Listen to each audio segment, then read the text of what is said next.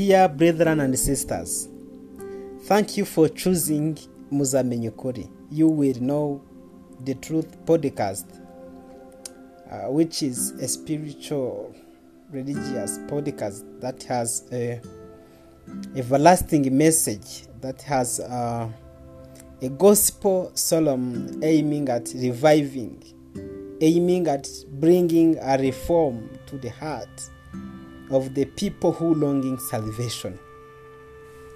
Today, I want to discuss with you the theme that I like so much. Our today theme is uh, our need of prayer. You know, prayer is essential. So, prayer is something everyone must desire, must need, have to hunger for. So, our need of prayer. You know,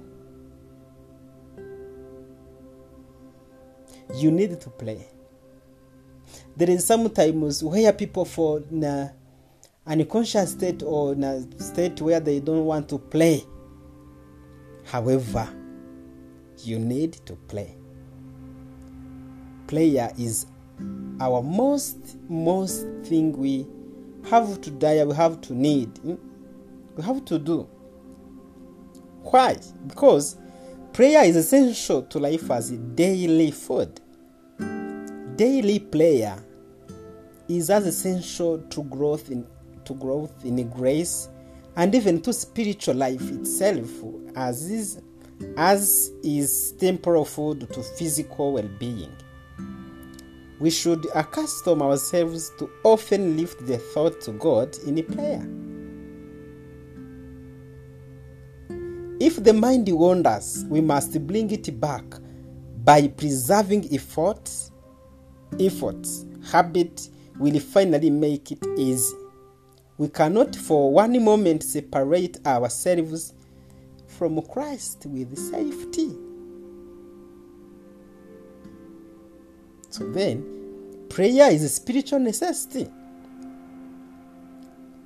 Although Christ had given the promise to his disciples that they should receive the Holy Spirit, this did not remove the necessity of prayer.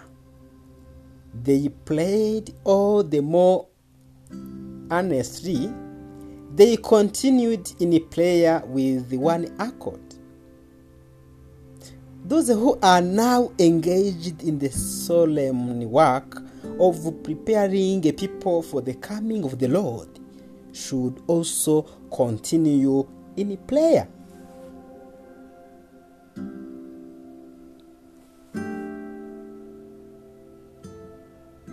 They, Jesus' disciples, had not heeded the repeated warning watch and pray. At first, they had been much troubled to see their masters, usually so calm and dignified, wrestling with the sorrow that was beyond comprehension. They had prayed as they heard the strong cries of the sufferer. They did not intend to forsake their Lord, but they seemed paralyzed by stupor which they might have shaken off if they had continued pleading with God. They did not realize the necessity of watchfulness and earnest prayer in order to withstand temptation. Hence, the experience of disciples in the Garden of Gethsemane contains a lesson for the Lord's people today. They did not realize the necessity of watchfulness and earnest prayer in order to withstand temptation. Many today are fast asleep as well the disciples did. They are not watching and praying lest they enter into temptation. Let us often read and give carefully study to those portions of God's word that have special reference to these last days, pointing out the dangers that will threaten God's people.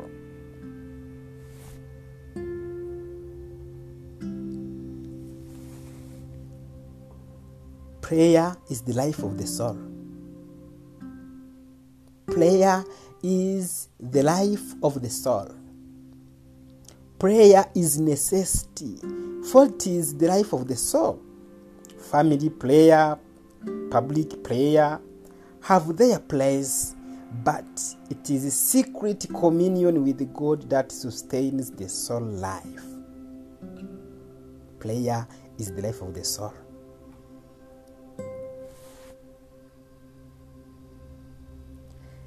Jesus urged the necessity of prayer. He Jesus urged the urged upon men the necessity of prayer, repentance, confession, and the abandonment of sin.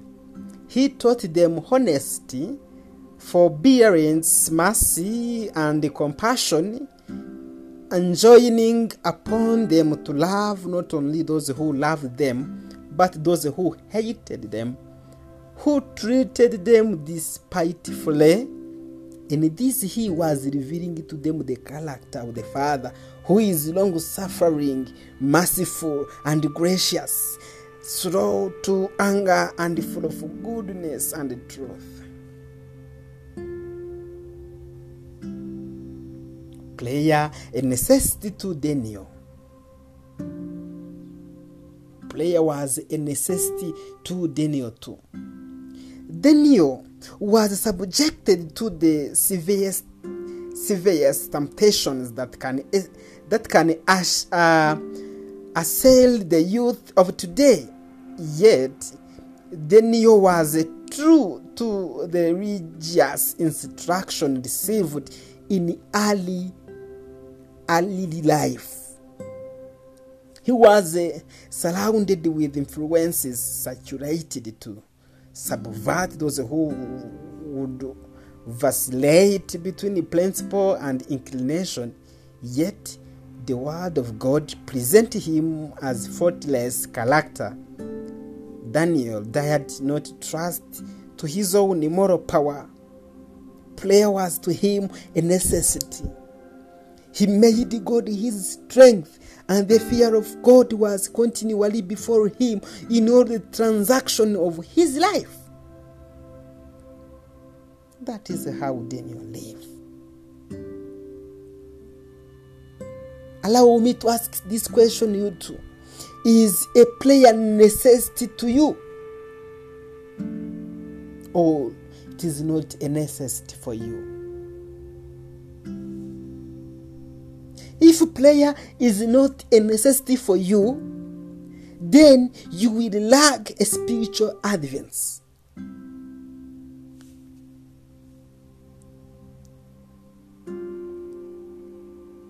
Spiritual advance depends on prayer. If there were more playing among us, more exercise of a living faith, and less dependence upon someone else to have an experience for us, we would be far in advance of where we are today in spiritual intelligence. What we need is a deep individual heart and soul experience. Then we shall be able to tell what God is doing and how He is working. We need to have a living experience in the things of God, and we are not safe unless we have this.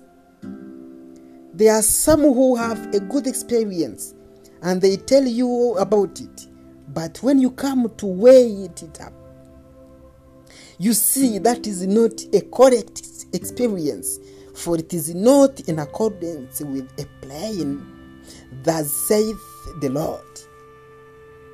If ever there was a time in our history when we needed to humble our individual souls before God, it is today.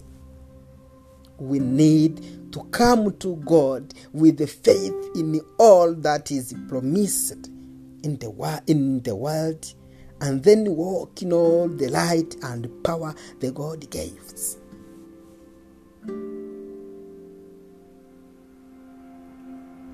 Then we need to play as our first activity in a day. Prayer need to be first activity of the day.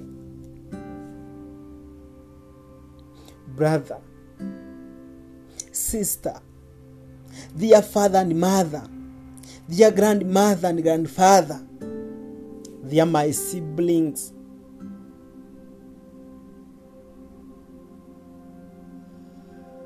you men. Consecrate yourself to god in the morning. Make this your very first work.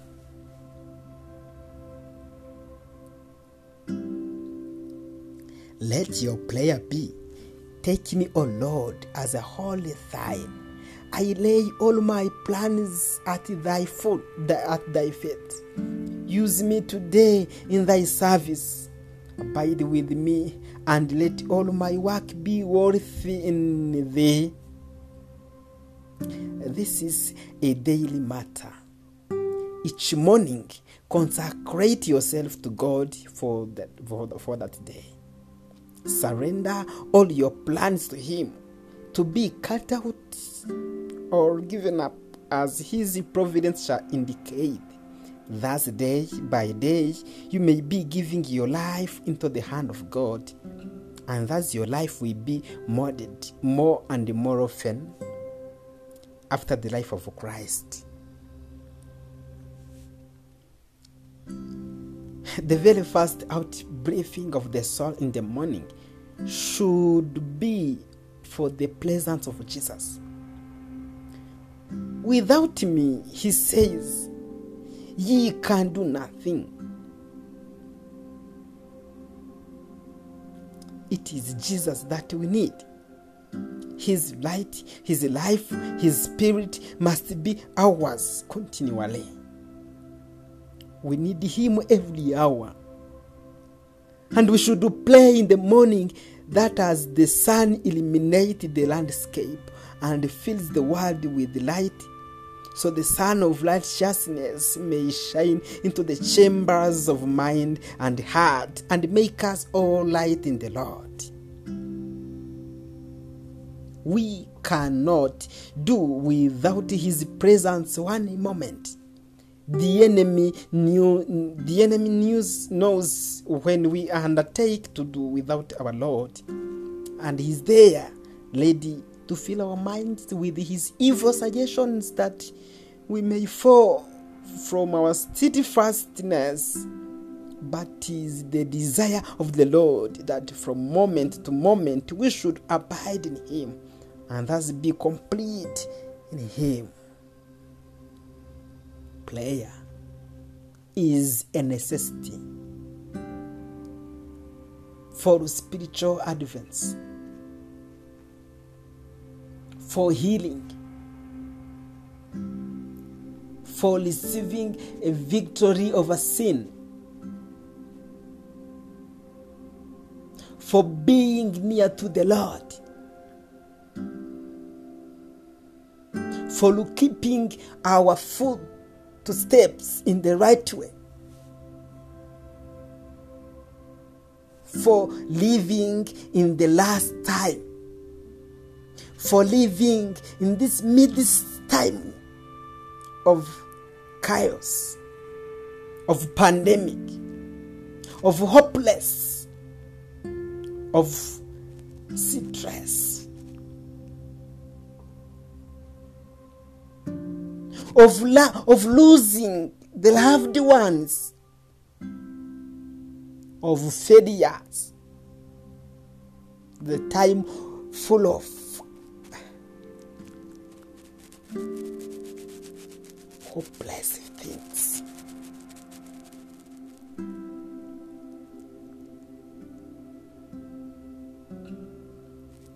In all those circumstances that are around us, that are surrounding us, then as a christian people as a people who long who longing who is long who are longing salvations then it is our privilege to play. That's why prayer is a necessity. You need to play. A player must be a necessity. An essential things you have to. Thank you for, for recognizing such i play for you and for me to consider this message as a necessity as an urgent message for the one who want who longing salvation who want to be in heaven when jesus return. Player player. Even jesus was our role model. He used to play more often. At morning jesus went to the mountain to play to the hills. In the evening at the night jesus was playing. He went somewhere to play. What about you? What about me? Play asking the holy spirit in letter rain playing ask god's wisdom. Playing seeking a true advice. Play for seeking the answers of your problems.